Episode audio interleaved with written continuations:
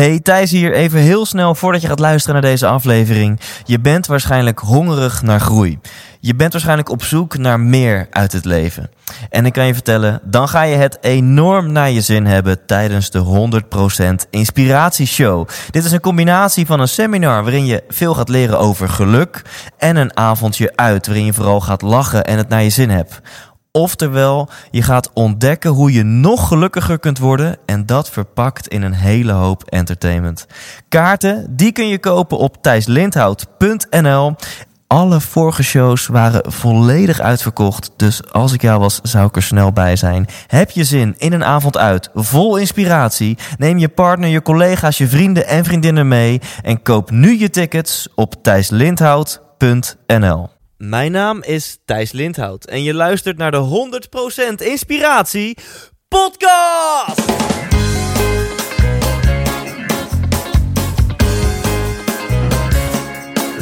Hey, wat goed dat je luistert. Hij staat weer voor je klaar. Je wekelijkse dosis inspiratie is weer daar. De allerleukste gasten geven al hun kennis prijs. Met je veel te blije host, hij praat je bij. Zijn naam is Thijs. Thijs,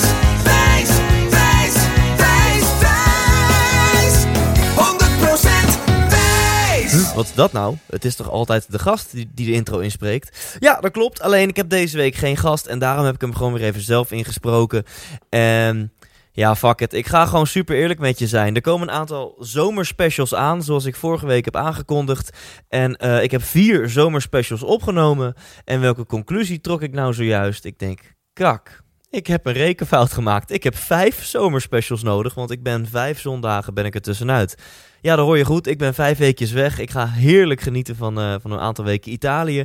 En ik wil niet dat in die tijd dat ik jou, mijn luisteraar, teleurstel. Dus elke week komt er gewoon weer een, een aflevering.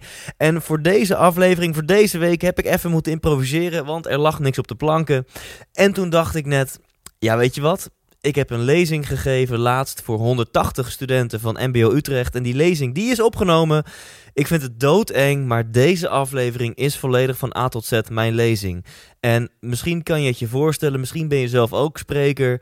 Uh, de reden dat ik dat zo eng vind is, ja, ik, ik doe er hard mijn best voor. Ik, uh, uh, het is een verzameling van best of, de best of. Ik verzamel mijn beste content en die stop ik in een uurtje. Er wordt ook gewoon goed geld voor betaald. En nu prop ik dat gewoon zo live op de ether. En ja, los van het feit dat, als ik zelf natuurlijk mijn lezing terugluister, dat je denkt, ja, oké, soms is het ook eigenlijk best wel kut. Maar ja, dat, uh, dat is denk ik een dingetje wat mensen eigen is.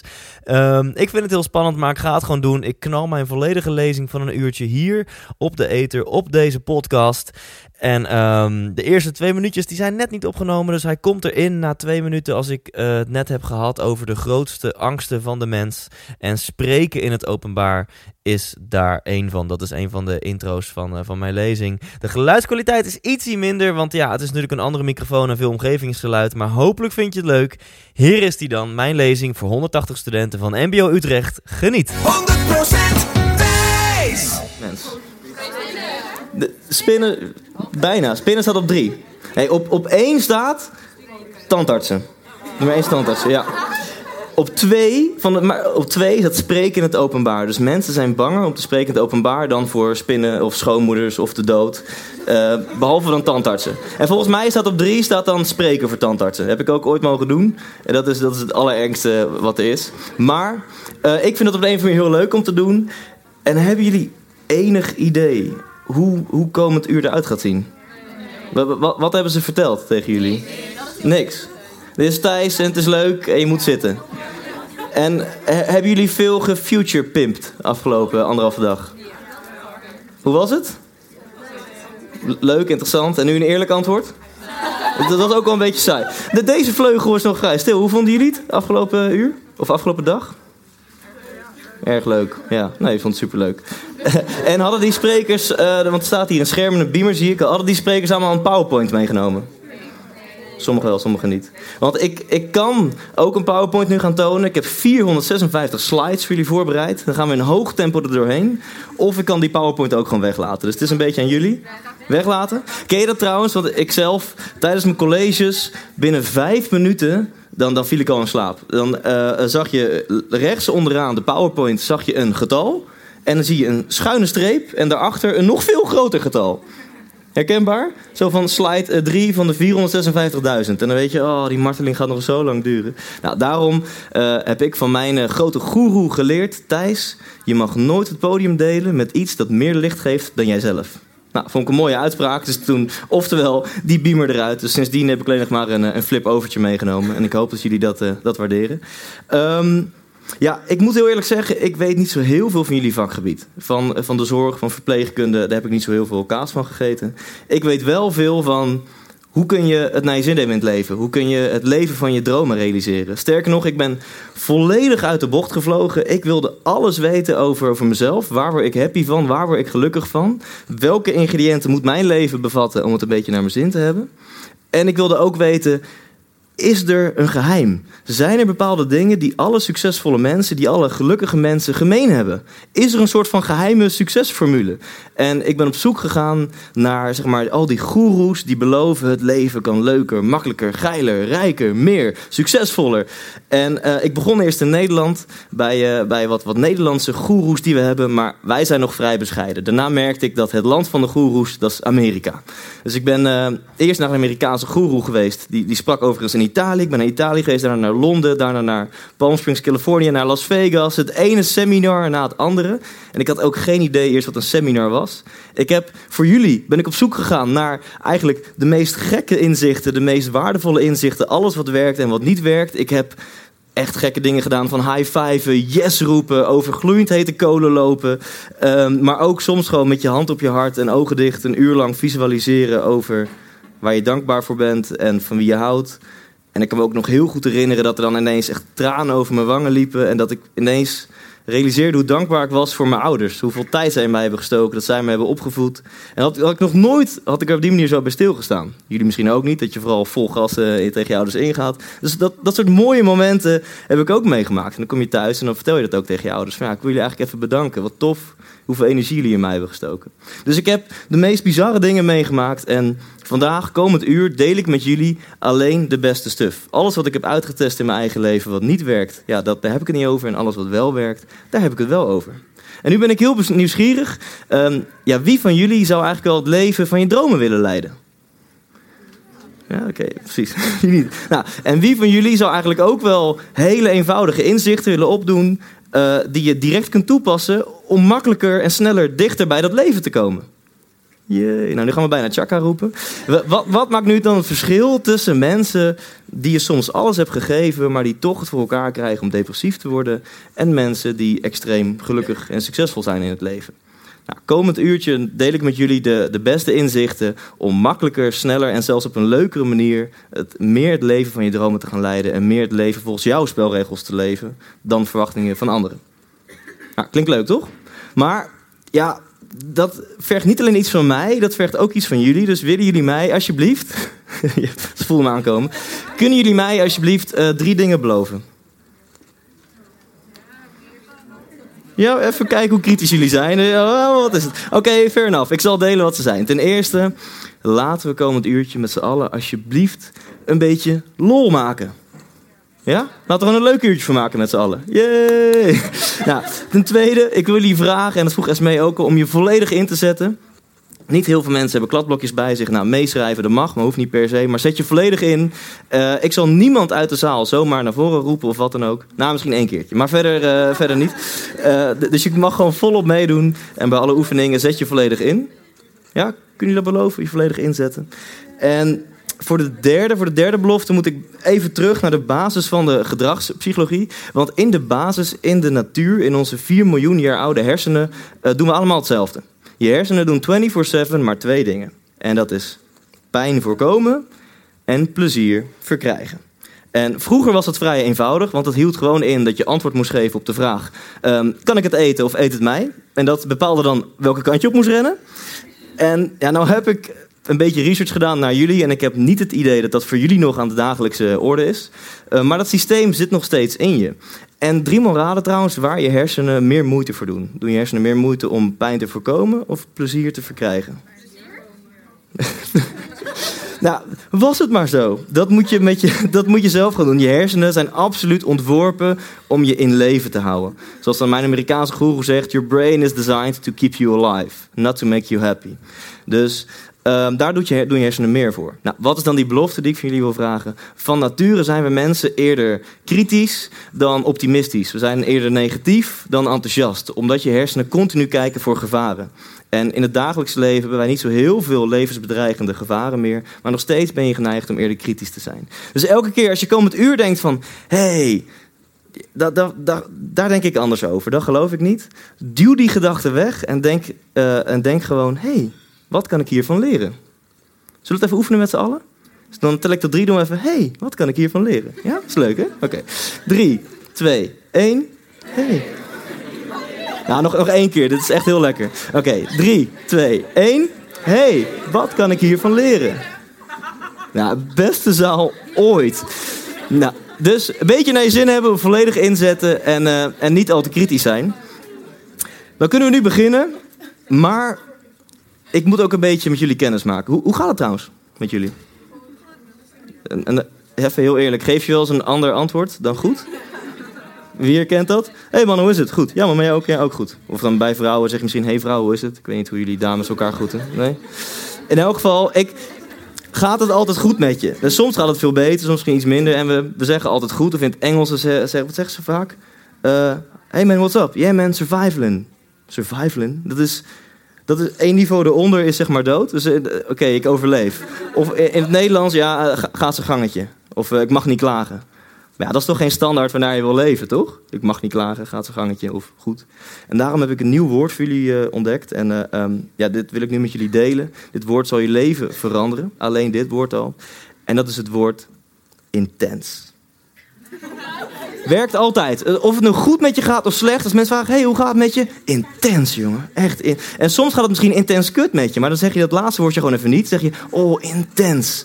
En het voelt veel beter. En voor je het weet zullen mensen, die zullen meer met jou willen hangen. Die zullen jou inspirerend vinden. Die denken, oh, die, die Melissa, zij is zo tof. Het gaat altijd intens met haar. En uh, zit er toevallig Melissa in de zaal? Uh, we hadden al even kennis gemaakt, net, ja. Um, dus laat ik het even met jullie oefenen, oké? Wat was het woordje ook weer? Oké, okay. hoe gaat het met jullie? Hoe was het Pimp Your Future event? En um, hoe is het met uh, de relatie? hoe is de seks? Nou, dat is gemixte feelings. Um, la laat ik snel doorgaan.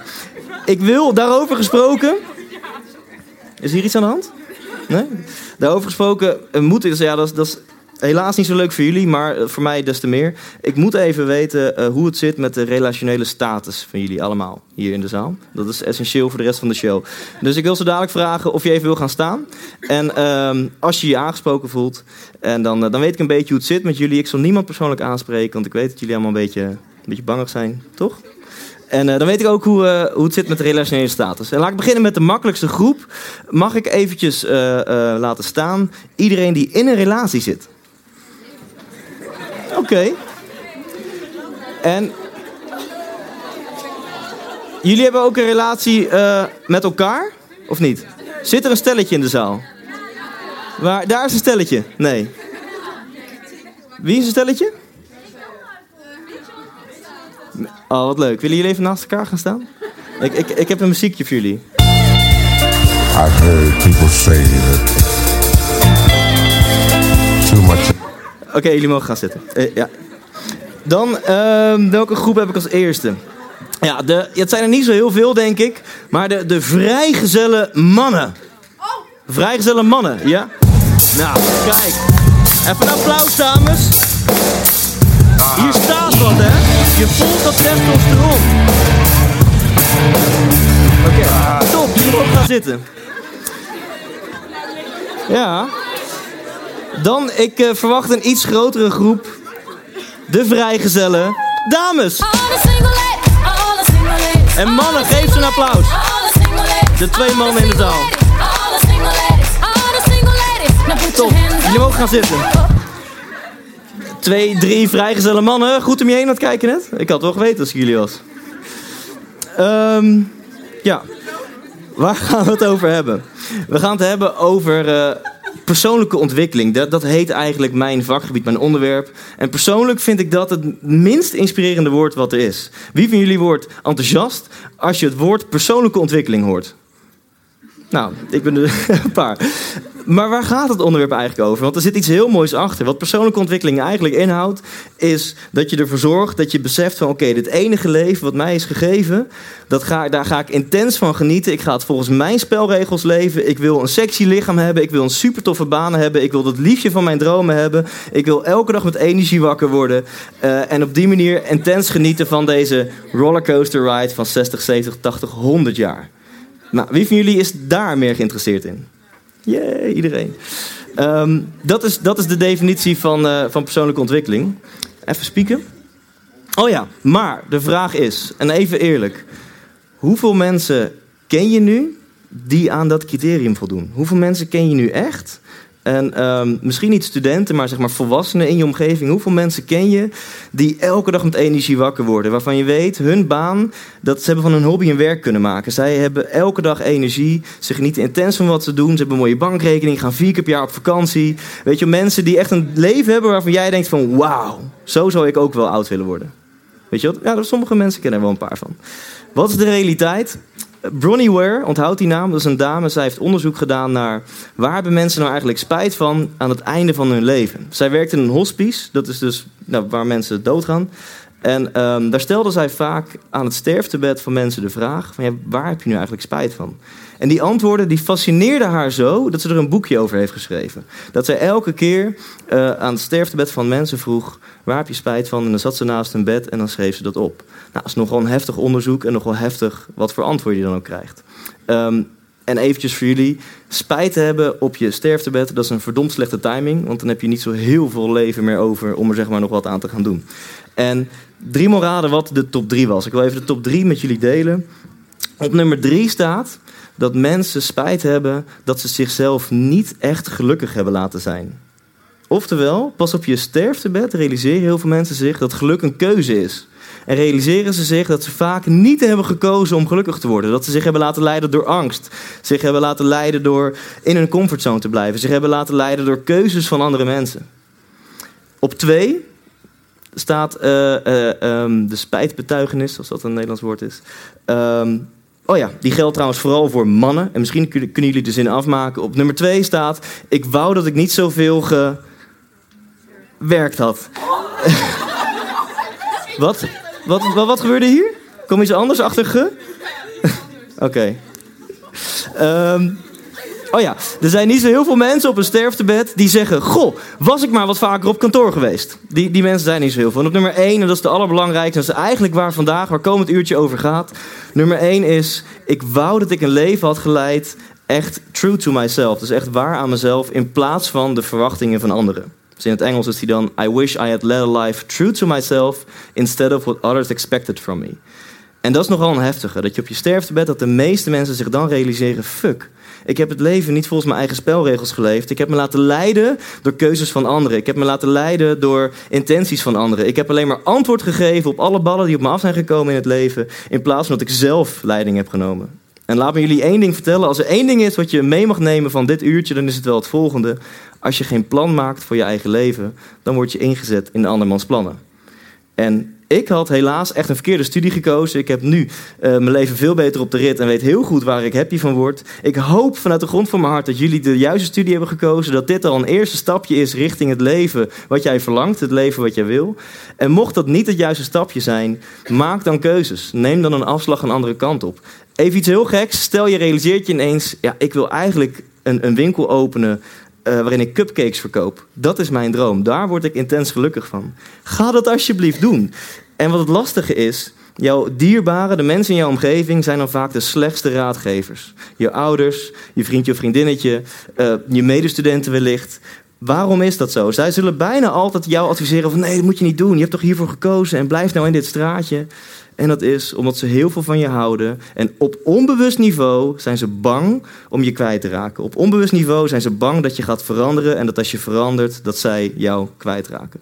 En daarom zijn je meeste dierbaren vaak de slechtste raadgevers op het gebied van belangrijke life decisions. En natuurlijk zal je ze niet, uh, niet kwijtraken. Maar op onderbewust niveau gebeurt dit dus. Dus dat is alvast een boodschap voor mij en jullie.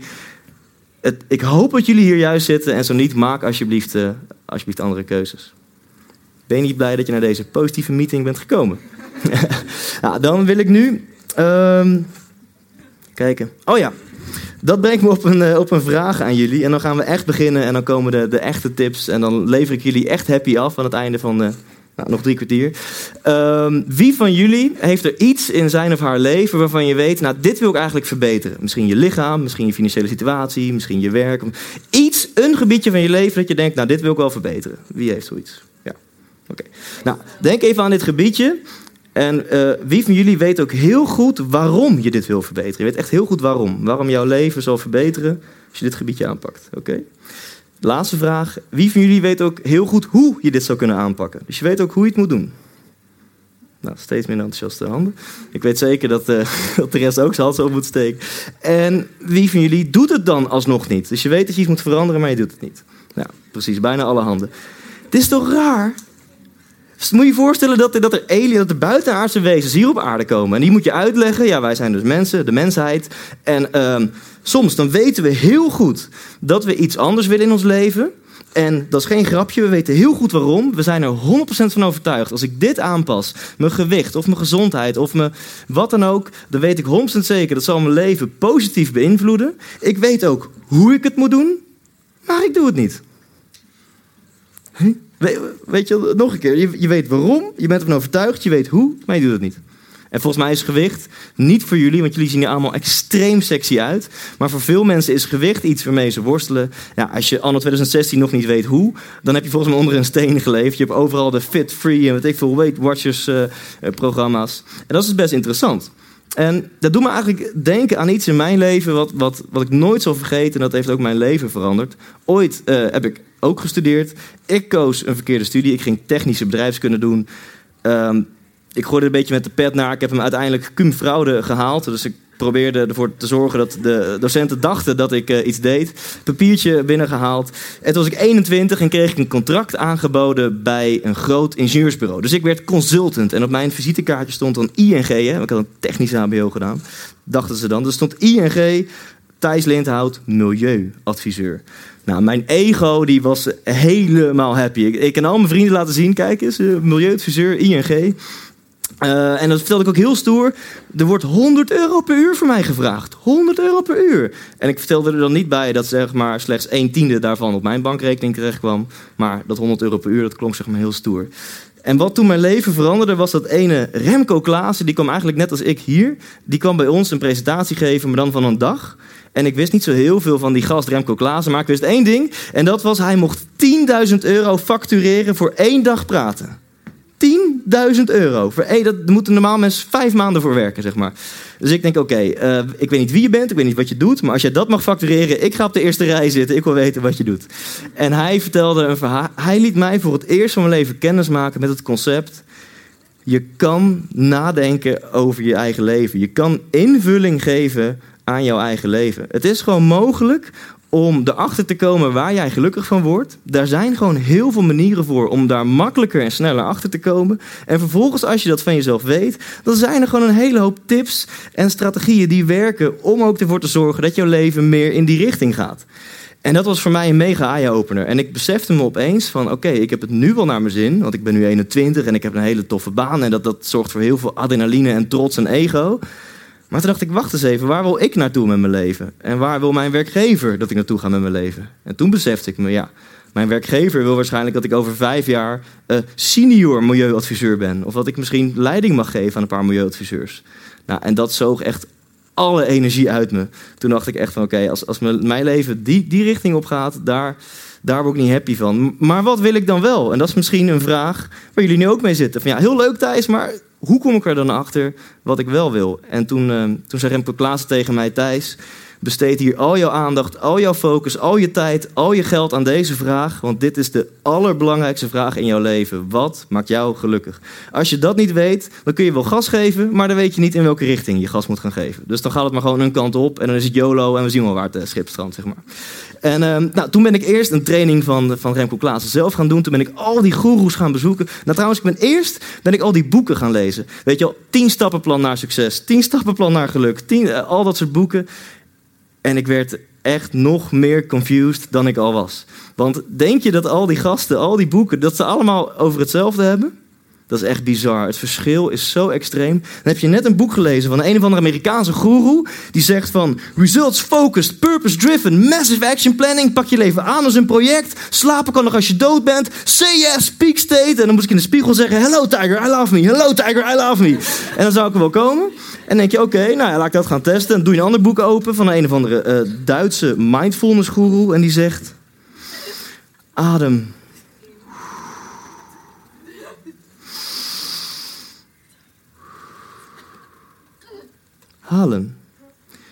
Is het belangrijkste wat er is. Zolang jij maar in lijn leeft met de kosmos en beweegt met de golven van de natuur, zul jij vanzelf de rust in jezelf vinden en maakt. Nou, zo dus, zeg maar. Ik kan het niet zo goed, maar ik doe hem leuk na. En helemaal voor. Toen dacht ik, oké, dit werkt niet, ik ga ze opzoeken. Ik wil ze live zien, ik wil weten wat ze te vertellen hebben. Toen ehm, kocht ik een kaartje voor een seminar Unleash the Power Within in, in Rimini, Italië. 1000 euro. Alleen voor het kaartje. Hè? Ik verdiende iets van 1400 euro per maand uh, in, uh, in loondienst bij het bedrijf nog. Ik had uh, een paar maanden gespaard. 1000 euro alleen voor dat fucking kaartje voor een seminar van een paar dagen. Dan nog mijn vlucht en mijn hotel en eten en drinken daar.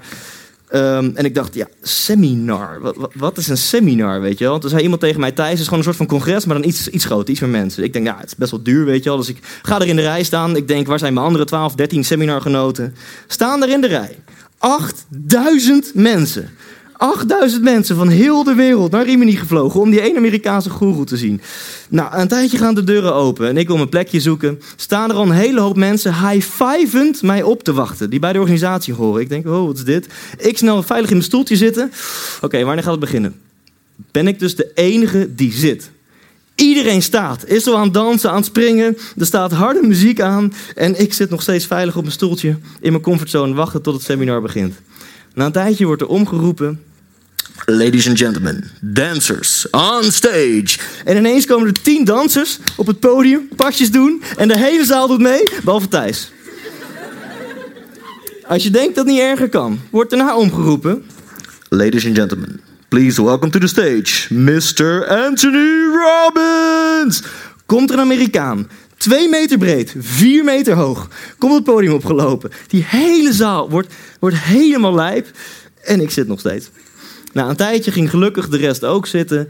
En ik kan me nog goed herinneren, die Amerikaan bleef maar praten over een een of andere peak state. En hij zei, een peak state, dat is een bepaalde staat waar je lichaam in zit. En dan is lichaam en geest ultiem met elkaar verbonden. Dan voel je een superversie van jezelf en dan kan je elke situatie aan. En ik dacht echt zo, gast, piek steeds lichaam en geest. Echt, mijn lichaam heeft alleen maar kramp van dat fucking klapstoeltje waar jij me inzet. Voor vier dagen lang voor duizend euro. En mijn geest die vraagt zich af wat ik hier doe. Nou, net op dat moment was ik eventjes vergeten dat hij de nummer één ter wereld is op het gebied van um, subliminal messaging. Dat houdt dus in dat hij in zijn taalgebruik dingen kan toepassen, waardoor je ineens dingen gaat doen waarvan je niet van plan was om ze eigenlijk te doen. Dus na een tijdje uh, moest ik gaan staan en ik ging staan. En uh, moest ik ook gaan liggen, dus ik ga liggen. En toen moest ik denken aan een uh, moment uit mijn leven dat ik heel trots was op mezelf. En als ik dat moment had, moest ik knijpen in mijn vuistje. Dus ik knijp in mijn vuistje. En moest ik denken aan een moment dat ik hele goede seks had. En als ik bij dat moment was, moest ik weer knijpen in mijn vuistje. En een moment dat ik uh, heel dankbaar voelde. En een stuk of tien momenten. En elke keer moest ik knijpen in mijn vuist. Ik moest weer staan, moest ik weer springen, moest ik mensen knuffelen, moest ik vijftien mensen knuffelen, moest ik mensen high-fiven, vijftien mensen high-fiven, weer springen, weer in mijn vuistje knijpen. En na een tijdje ineens voelde ik het. Ik stond zo, ik denk van wow, dit heb ik nog nooit gevoeld. Ik weet niet wat die gast met mij heeft gedaan, maar ik voel me unstoppable. En de, de woorden van hem, die, die, die nog na in mijn hoofd. En hij zei, als je 100% jezelf bent, is het niet zo moeilijk om gelukkig te zijn. En ik dacht, wauw, dit is, dit is hoe, hoe mijn echte kracht voelt, mijn ultieme potentie. Dit is 100% Thijs. En het voelde zo lekker. En ik had ineens tieten. En ik kwam thuis. En ik liep nog steeds zo. ik kon het niet stoppen. En uiteindelijk heb ik wat onderzoek gedaan. En ben ik erachter uh, achter gekomen wat het nou is dat hij met mij heeft gedaan. En dat blijken dus twee dingen te zijn. Ja, nu zou ik dat met jullie kunnen uitleggen. Of, want jullie hebben beloofd om je volledig in te zetten, ik kan het jullie ook even laten ervaren. Ja. En voor het eerste hoef je niks te doen. Zit gewoon eventjes met energie rechtop in je stoel. En dan... Yes? wil ik jullie allemaal vragen om eventjes je ogen te sluiten. Sluit even je ogen. Dit, dit is leuk. Dit ga je leuk vinden. Sluit je ogen en met gesloten ogen denk eventjes aan zo'n heerlijk warme zomerdag die wij in Nederland hebben. Dus je zit thuis op de bank. Het is heet, maar in Nederland als het heet is, is het ook benauwd heet. Dus met je ogen gesloten beeld je even in dat je op de bank zit en je voelt gewoon het zweet klotst van je oksels. Je denkt, oh het is zo benauwd. Ik heb, je hebt echt behoefte aan verkoeling.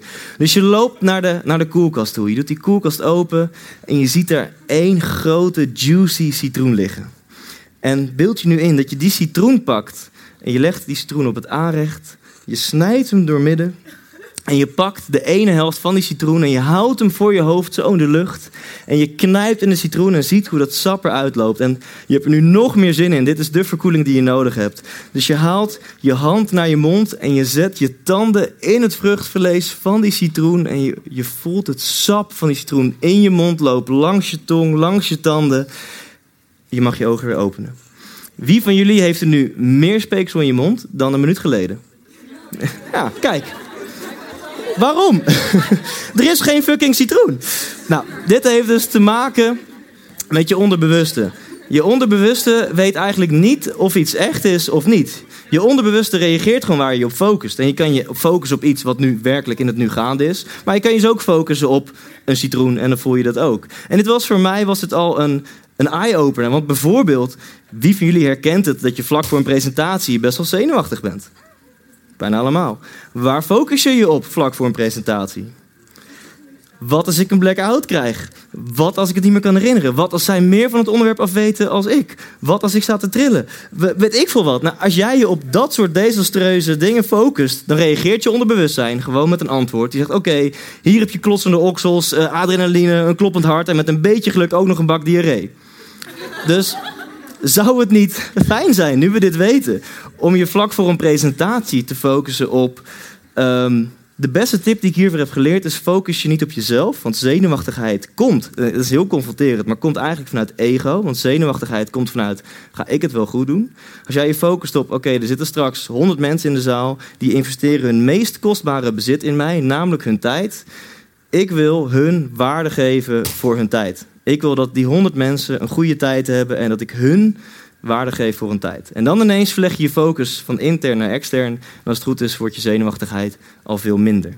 Maar los van presentaties kan je waarschijnlijk nog meer dingen bedenken waar dit waardevol zou zijn voor een belangrijke date. Tinder dates werkt het ook heel goed bij. Eh, een sollicitatiegesprek. En er is nog één ding wat nog veel sneller en veel radicaler effect heeft op je onderbewust en hoe je je voelt.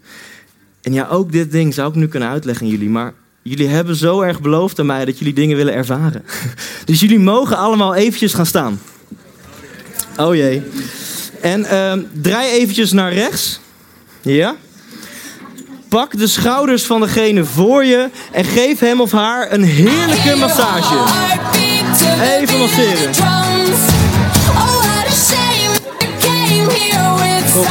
Masseer zoals je ook zelf gemasseerd wil worden.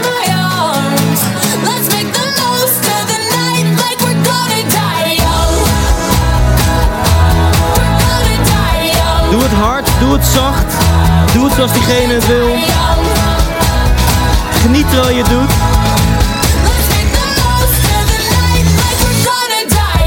Oké, echt lekker. En nu karate chops, karate chops.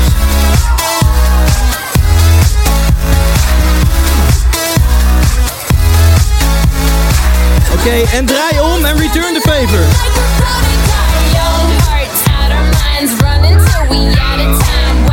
Zeg ook even naar achter hoe je het wil. Wil je het hard? Wil je het zacht?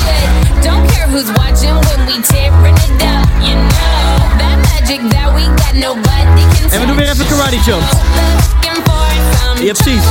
Eventjes een toon. eh, even je rechterhand in de lucht allemaal. En doe mij na. Oké. Kijk me even aan. We gaan eventjes het dansje doen. Komt drums. Oh.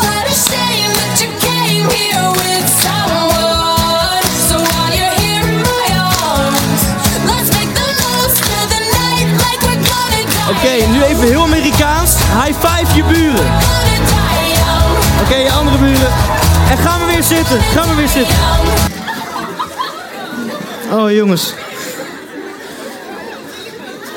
Wat een Amerikaanse onzin.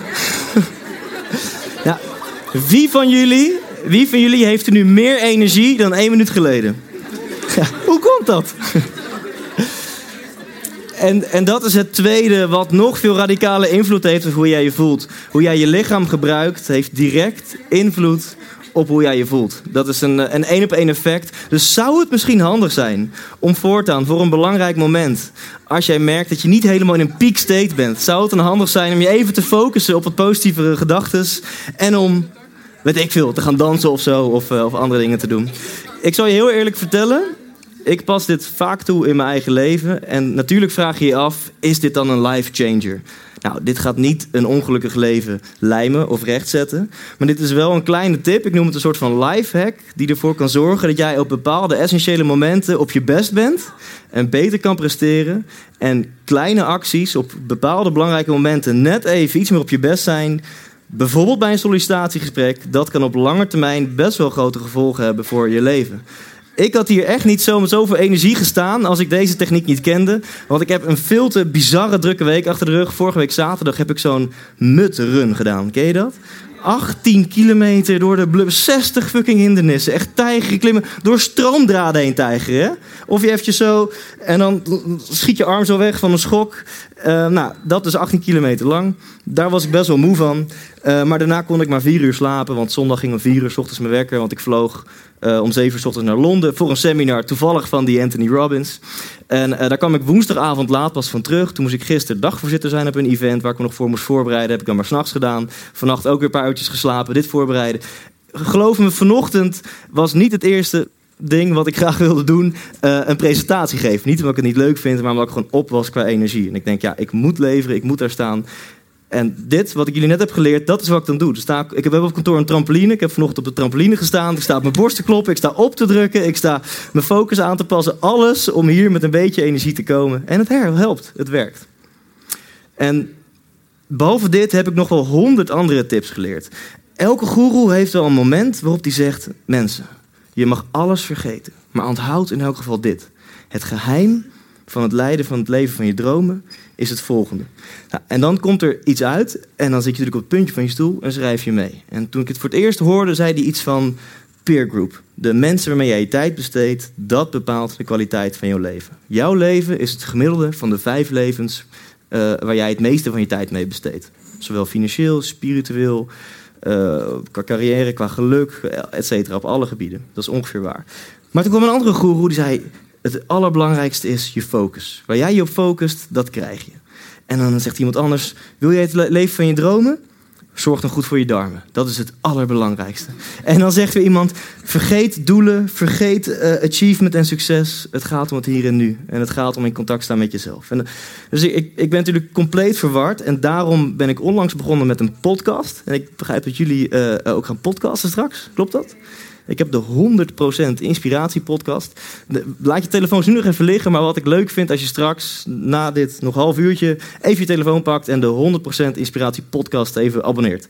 Wat ik daarmee doe, ik eh, interview de meest succesvolle Nederlanders. Dat zijn vaak ook BN'ers. En ik ben gewoon benieuwd, wat is nu in Nederland, zeg maar, de, eh, ehm, de weg naar succes? Werken al die Amerikaanse dingen hier ook? Of hebben wij andere wetten? Hebben wij andere regels? Dus ik heb een Angela Groothuizen geïnterviewd. Ik heb zelfs een André Kuipers geïnterviewd. En Erik de Zwart. Morgen mag ik Arie Komen interviewen. Die ken je wellicht niet, maar dat is een van de lama's was dat. Ehm, nou, en dit is voor het eerst dat ik dit nu deel, dus ik vind het best wel spannend. Ik heb nu na al die interviews heb ik al een paar inzichten. Een paar dingen zijn er op zijn plek gevallen waarvan ik zie... hey, dit hebben ze allemaal met elkaar gemeen. En daarvan wil ik er eh, drie met jullie delen. En dat is eigenlijk hetzelfde als in de popmuziek. Dus zowel bij succesvolle mensen eh, die dingen gemeen hebben... zie je ook dat popliedjes dingen gemeen hebben. Hebben jullie wel eens gehoord van de, de four-chord song of de three-chord song, zoiets? Ja, dat je met drie, vier akkoorden kan je elk hitje van de afgelopen 50 jaar kan je spelen.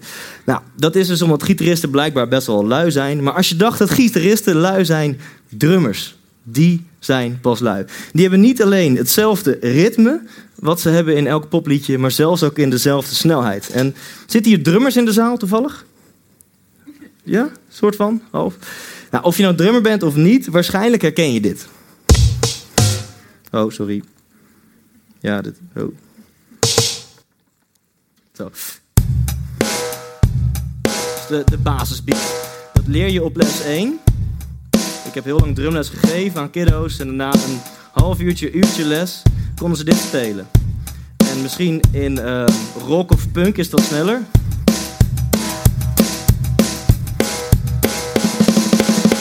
Maar in de meeste popliedjes. Willen jullie bewijs of is dit voldoende? Bewijs? Bewijs of is dit voldoende? Wat een participatie. Oh! Ik kan alvast meedoen.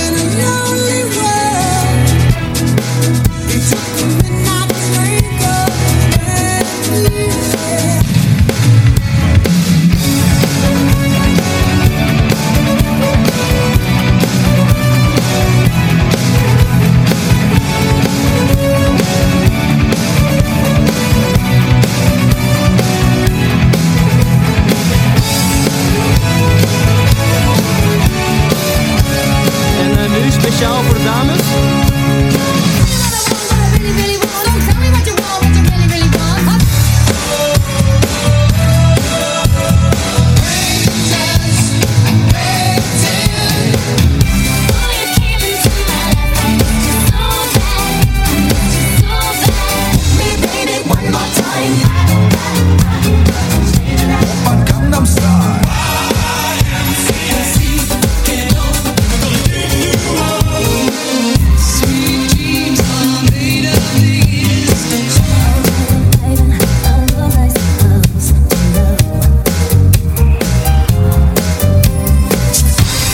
Alle popliedjes.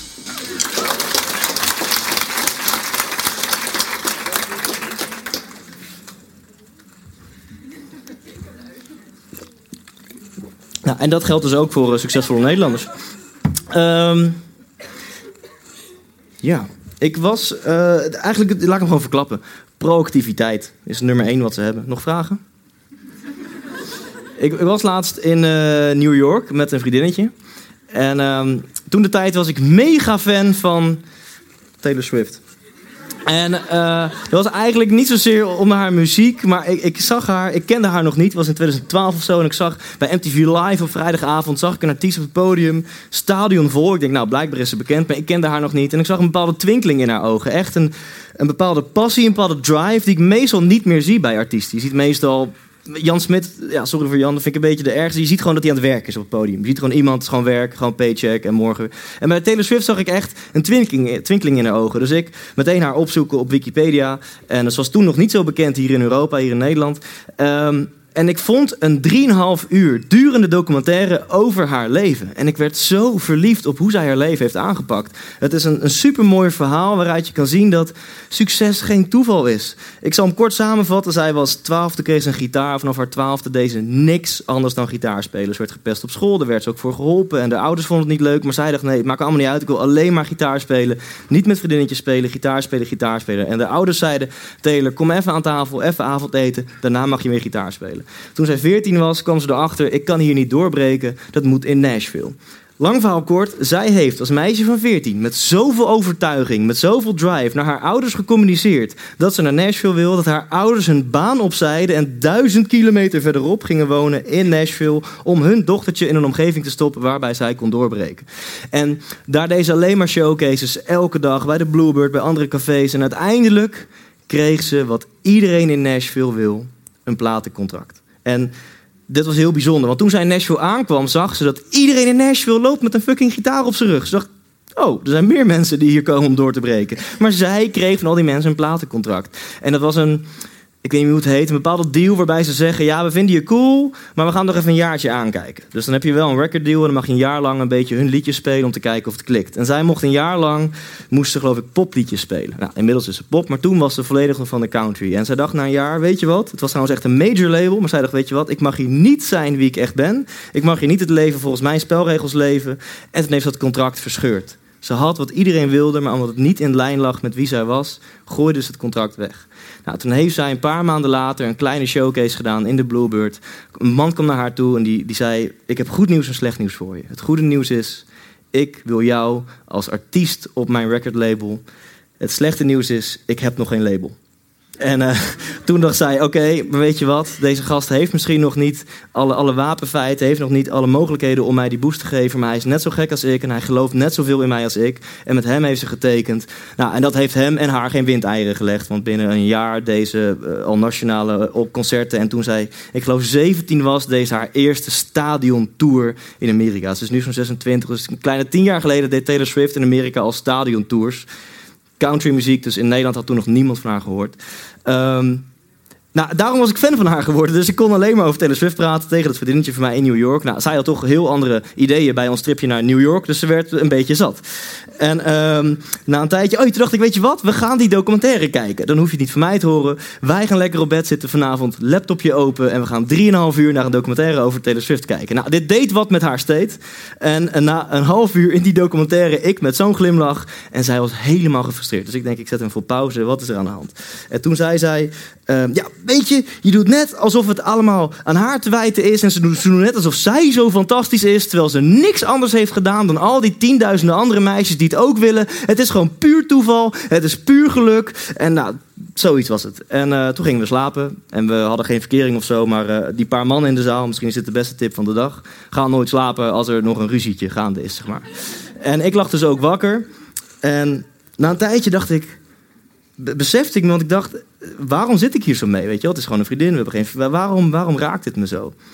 En toen, toen moest ik ineens denken aan een, aan een verhaal wat ik had gehoord over een, ehm, een soldaat in, een Amerikaanse soldaat in die Irak-oorlog, die iets verschrikkelijks heeft meegemaakt. Hij was met zijn beste buddy, zeg maar met zijn BFF, eh, hadden ze dezelfde studie gedaan, waren ze samen in het leger gegaan. Samen vochten zij aan het front, daar in Irak, achter wat zandzakken of zo. Ik weet niet precies hoe dat eraan toe gaat.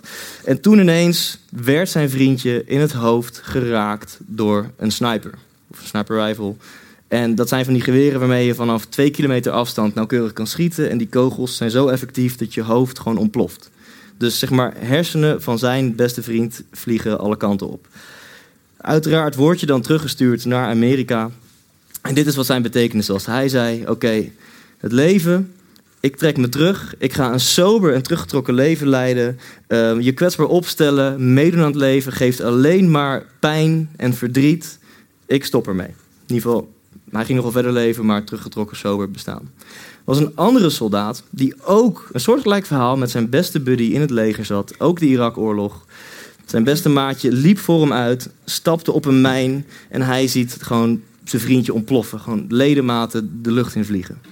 Hij wordt ook teruggestuurd naar Amerika. Maar dit is wat zijn betekenis was. Hij dacht, oké, het leven is kort, het leven is eindig, het kan elk moment voorbij zijn. Ik ga elke dag meer liefde geven, meer creëren, meer uit mezelf halen. Want ik wil optimaal genieten van elk moment dat ik nog heb. Ja, en ik krijg gewoon kippenvel als ik dat verhaal vertel. Dan denk ik, wauw, twee identieke verhalen en een compleet andere betekenis. En dat is, dat is eigenlijk het thema proactiviteit. Dat is dat je inziet dat je zelf veel meer verantwoordelijkheid hebt en veel meer keuzevrijheid hebt dan je zelf denkt over je eigen leven. En het is heel verleidelijk hè, om anderen de schuld te geven. Soms heb je heel veel legitieme redenen om van de negatieve effecten, van de negatieve dingen in jouw leven, andere mensen de schuld te geven. Maar wat schiet je ermee op? Ook al hebben andere mensen, ook al heb je misschien een goede reden om dat te doen, wat schiet je ermee op? Want het zet jezelf niet om in actie. En als ik het dan heb over productiviteit verantwoordelijkheid of je leven, dan, dan zie ik het altijd voor me alsof je leven uit een stuk of acht delen bestaat. En misschien is het leuk om bij jezelf nu even na te denken van oké, wat, wat zijn mijn resultaten op deze acht gebieden? En ehm, ja, kan ik daar wat aan doen? Zijn er misschien wat gebiedjes waar wat verbetering vatbaar is? En dan is het eerste gebied, is denk ik je carrière, maar dat is voor jullie nu je studie. Je persoonlijke ontwikkeling zie ik daar ook in. Je carrière is natuurlijk eigenlijk je persoonlijke groei. Ehm, maar wat dacht je van je bankrekening? Is daar nog wat verbetering vatbaar? Of denk je van, zo, wat een geld? Zeg maar, heb je aan het einde van je geld nog te veel maand over? Of aan het einde van de maand nog geld over? Dat is een beetje de vraag. Ehm, wat dacht je van je relaties? Je, met je familie, je intieme relatie, met vrienden. Eh, hoe scoor je jezelf daarop op schaal van 0 tot 10? Of ehm, ehm, wat zou ik zeggen? Oh, je emoties, niet onbelangrijk. Als je ochtends wakker wordt, eh, denk je dan, yes, ik heb er weer zin in. Of denk je van, ah, fuck my life. Eh, daar kun je, dat laatste, met een glimlach ook. Eh, je spiritualiteit, weet je, dat is al een beetje gevoelig of een, een, een vaag onderwerp. Wat is spiritualiteit? Is voor iedereen iets anders. Volgens mij is het toppunt van spiritualiteit dat je iedereen liefde kan geven, zelfs de mensen die jou pijn doen. Ehm, en dan misschien nog een laatste gebiedje. In welke mate draag jij bij aan deze wereld? Doe je iets goeds voor andere mensen in je omgeving? Nou, als je zo naar al die gebieden kijkt, dan zou je jezelf kunnen afvragen welke resultaten behaal ik. En dan is toch wel de confronterende waarheid. ehm, al die, als ik het pad van de resultaten volg van al die gebiedjes, van hoe komt dit? Uiteindelijk leidt dat pad me naar jouw gedrag, naar jouw acties. En dat is niet alleen slecht nieuws, dat is eigenlijk heel goed nieuws. Want als dat leidt naar jouw gedrag, jouw acties, dat betekent dus ook dat je grip erop hebt. Dat het leven voor een bepaalde mate maakbaar is. Dat je zelf. Kijk, je hebt echt geen 100% invloed hè, op wat er gebeurt. Sterker nog, je hebt heel weinig invloed op wat er gebeurt. Er kunnen ook verschrikkelijke dingen gebeuren. Maar waar je altijd 100% invloed op hebt, is hoe je daarmee omgaat. Hoe, welke betekenis jij eraan geeft. Kijk maar naar die twee Amerikaanse soldaten. Welke betekenis geef jij eraan en wat ga je doen? Dat zijn dingen waar je altijd 100% controle op hebt en dat kan niemand van jou afnemen. En dat brengt me op het volgende eh, inzicht, wat alle succesvolle mensen gemeen hebben. Eh, ja, ik ga even wat tekenen. Heeft iemand toevallig pen en papier bij zich? Nou, nee. Als je dat hebt, mag je even meetekenen. En als ik professioneel was, had ik dit natuurlijk voorbereid. Ehm, eens even kijken.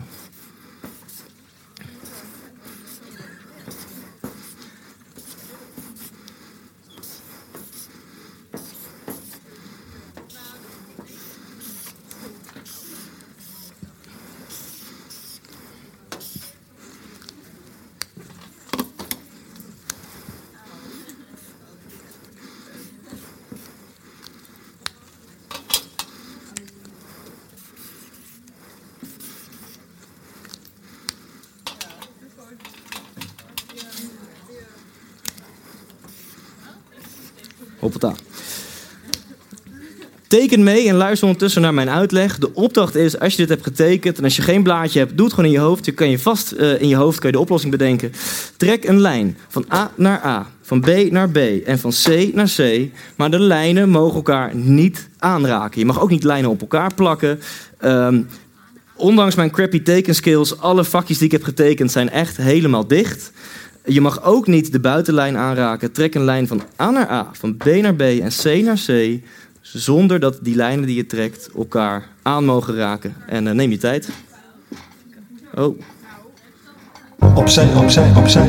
Maak plaats, maak plaats, maak plaats. Wij hebben ongelofelijke haast. Opzij, opzij, opzij. Want wij zijn haast te laat. We hebben maar een paar minuten tijd. We moeten rennen, springen, vliegen, duiken, vallen, opstaan en weer doorgaan. Blijven, we kunnen nu niet langer blijven staan. Een andere keer misschien, iemand hem al? Heeft iemand hem? wel slapen. Een paar mensen hebben hem, Kunnen dan misschien als het wie heeft hem nog niet? maar over koetjes, Oké, voetbal nog 10 en seconden. praten. 10 seconden. Nou, tot ziens, adieu, het gaat je goed. Acht seconden. We moeten rennen, springen, vliegen, duiken, vallen, opstaan en weer doorgaan. We kunnen nu niet blijven, we kunnen nu niet langer. Wie heeft hem nog niet? Wie is echt heel gefrustreerd dat hij het nog niet heeft? Ja?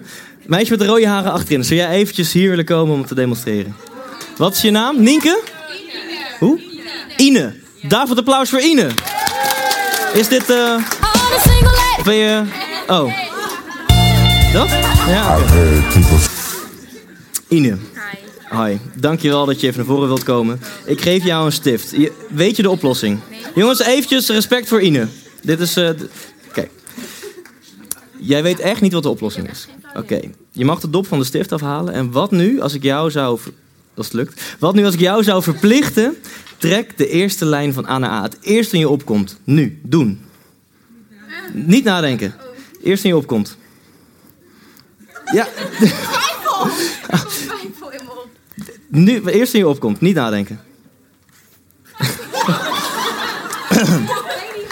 Trek een lijn van A naar A, het eerste in je opkomt.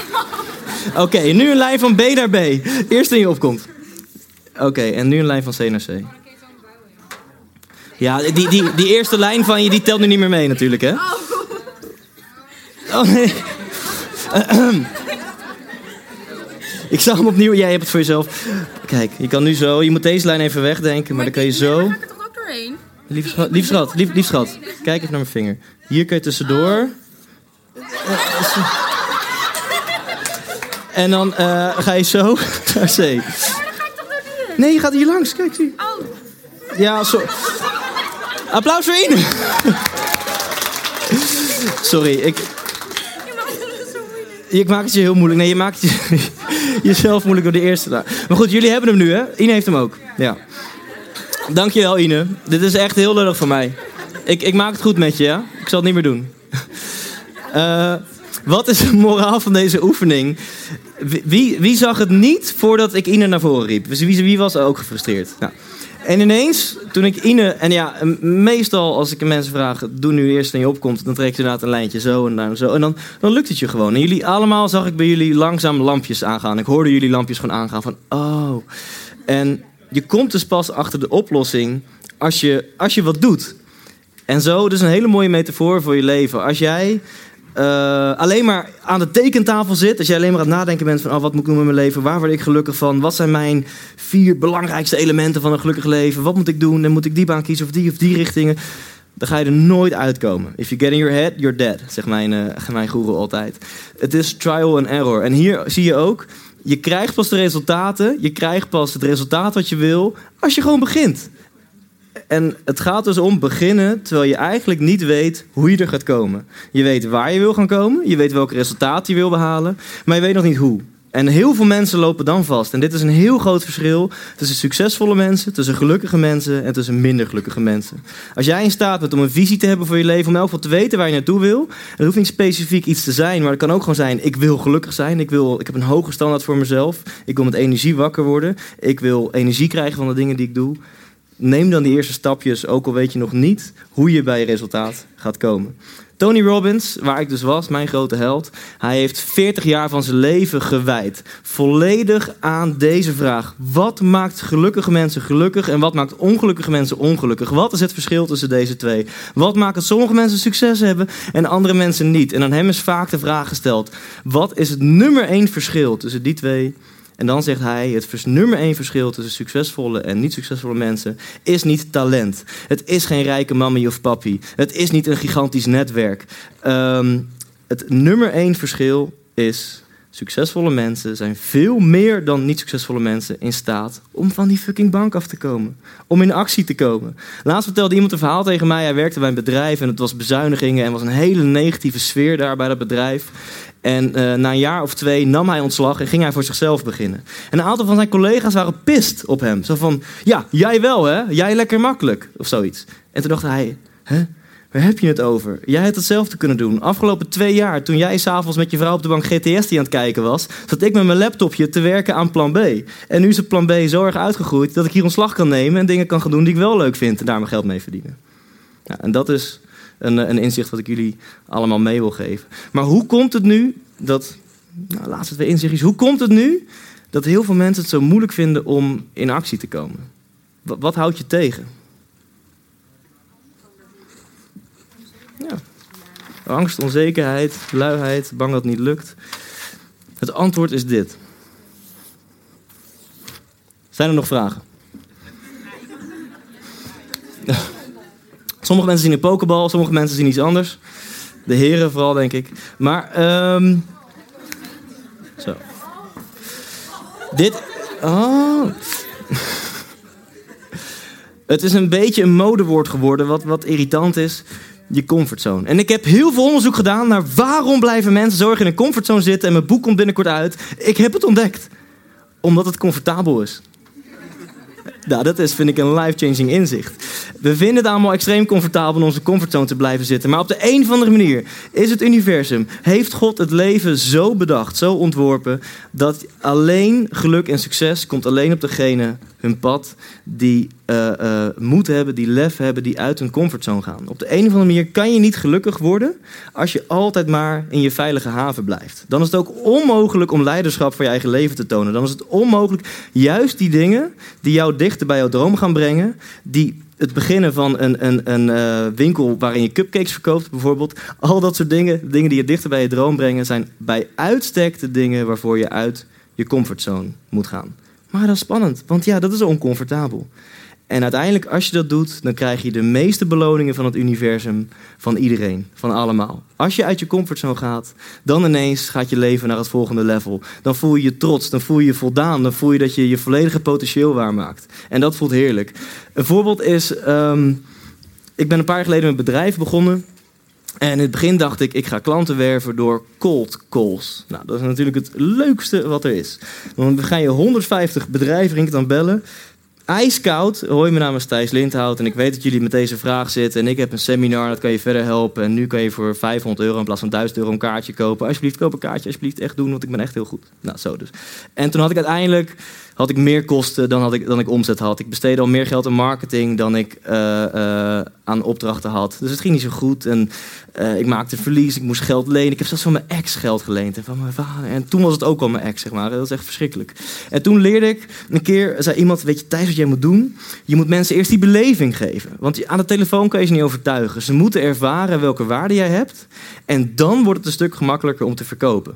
Dus wat die kerel tegen mij zei, is hij zei... je moet een gratis seminar doen. En ja, jij moet betalen voor de zaalhuur en voor de bitterballen. En je moet zelfs betalen voor de promotie. Maar in die promotie hoef je niet meer te zeggen... betaal voor mij. Maar kun je gewoon zeggen...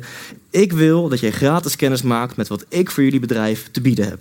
Nou, dan heb ik allerlei e-mails verstuurd. En dat ging ineens supergoed. Ik had 30 aanmeldingen. Maar goed, nog steeds voor een gratis seminar. En toen zei die kerel tegen mij... Nou, dan heb je die 30 mensen in een zaaltje. Twee uur lang. Deel gewoon je kennis. Nou, dat was voor mij easy peasy. Maar hij zei, daarna moet je gaan pitchen. Daarna kun je met een product komen waarvoor ze een eenmalige korting krijgen als ze zich direct inschrijven. En eh, probeer een product te pitchen wat jou zo min mogelijk tijd kost en zoveel mogelijk geld oplevert. Nou, en ehm, ik had een productje in elkaar geknutseld. Dat heette dan, nou, mijn business is niet zo heel sexy. Dat was een CO2-certificaat in een box. En dat ging ik pitchen voor 2000 euro. En dat kostte mij eigenlijk maar iets van zes uur werk. Dus ik dacht, nou, als ik daar ook maar één van kan verkopen, is op zich een prima uurloon. En ehm, over comfortzone dus gesproken. Ik vond het dood en dood. Ik heb serieus een week lang diarree gehad. Ik, ik, ik voelde die datum dichterbij komen. Die twee uur lang kennis delen, daar was ik niet bang voor. Ik was bang voor die pitch. Ik dacht, oh, dit, en, het seminar met knikkende knietjes die twee uur doorkomen. En daarna wist ik al lang hoe laat het was. En ik keek toch even op mijn briefje wat ik had voorbereid.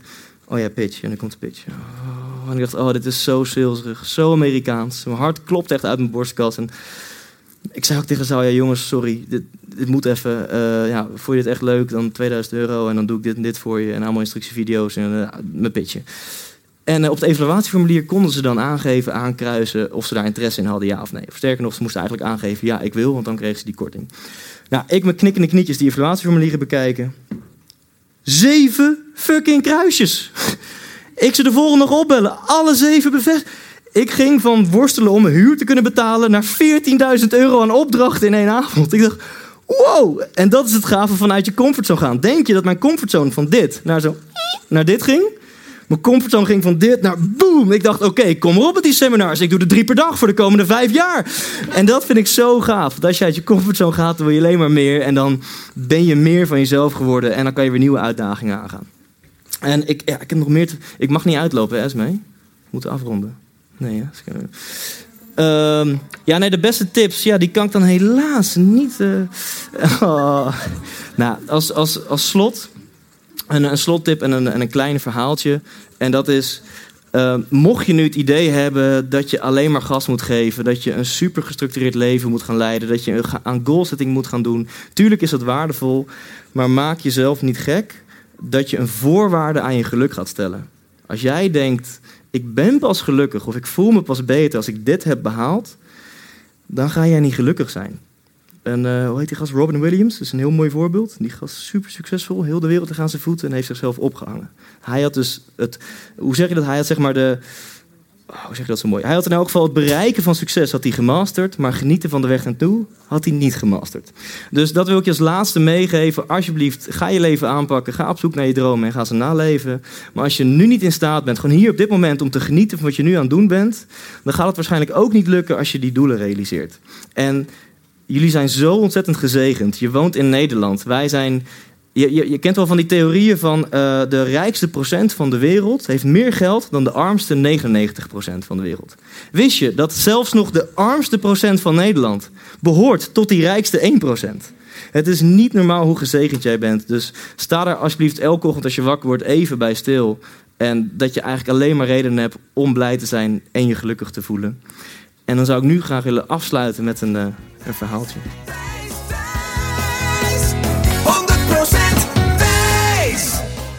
Ja, en welk verhaal ga ik daar vertellen? Als je dat wil weten, dan moet je mij toch echt een keertje live gaan zien. Of mij gewoon boeken.